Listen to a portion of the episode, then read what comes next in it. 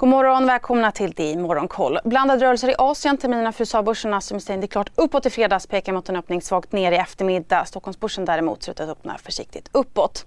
Hongkongbörsen backar svagt, Shanghaibörsen handlas i sidled och Shenzhenbörsen stiger svagt efter att den kinesiska centralbanken oväntat valt att sänka den ettåriga medelfristiga lånefacilitetsräntan samtidigt som man drar tillbaka likviditet ifrån banksystemet.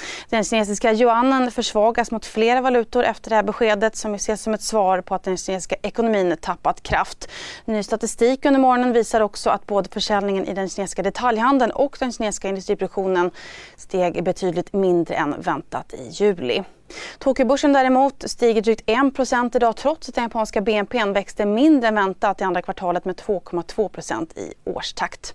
Marknaden håller idag också ögonen på det spända läget mellan USA och Kina efter att en amerikansk delegation nu landat i Taiwan för ett två dagar långt besök knappt två veckor efter representanthusets talman Nancy Pelosis besök som ledde till upptrappade militära övningar från kinesiskt håll. Och det var breda uppgångar på Wall Street i fredags. S&P 500 och 90 CSRD. Ännu en förkortning som väcker känslor hos företagare. Men lugn, våra rådgivare här på PWC har koll på det som din verksamhet berörs av.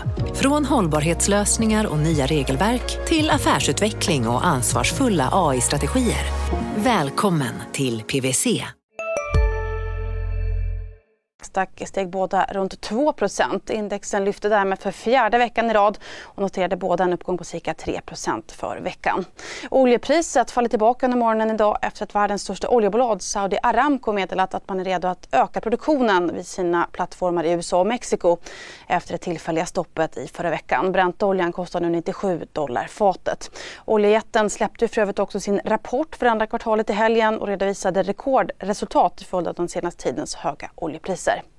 I helgen stod det också klart att SAS säkrat drygt 7 miljarder kronor i bryggfinansiering från riskkapitalbolaget Apollo Global Management vilket tillfälligt skyddar flygbolaget mot att försättas i konkurs när man nu påbörjat frivillig rekonstruktion i USA.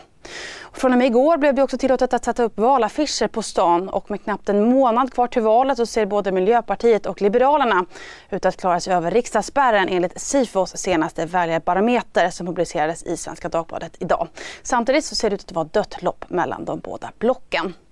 Idag är det inte jättemycket på agendan men nu drar ju dock äntligen Börsmorgon igång efter sommaruppehållet. Ni ser programmet precis som vanligt eh, 8.45 med min kollega Gabriel Mellqvist vid rodret. Missa inte det. CSRD. Ännu en förkortning som väcker känslor hos företagare. Men lugn, våra rådgivare här på PWC har koll på det som din verksamhet berörs av. Från hållbarhetslösningar och nya regelverk till affärsutveckling och ansvarsfulla AI-strategier. Välkommen till PWC.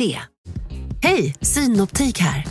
Så här års är det extra viktigt att du skyddar dina ögon mot solens skadliga strålar.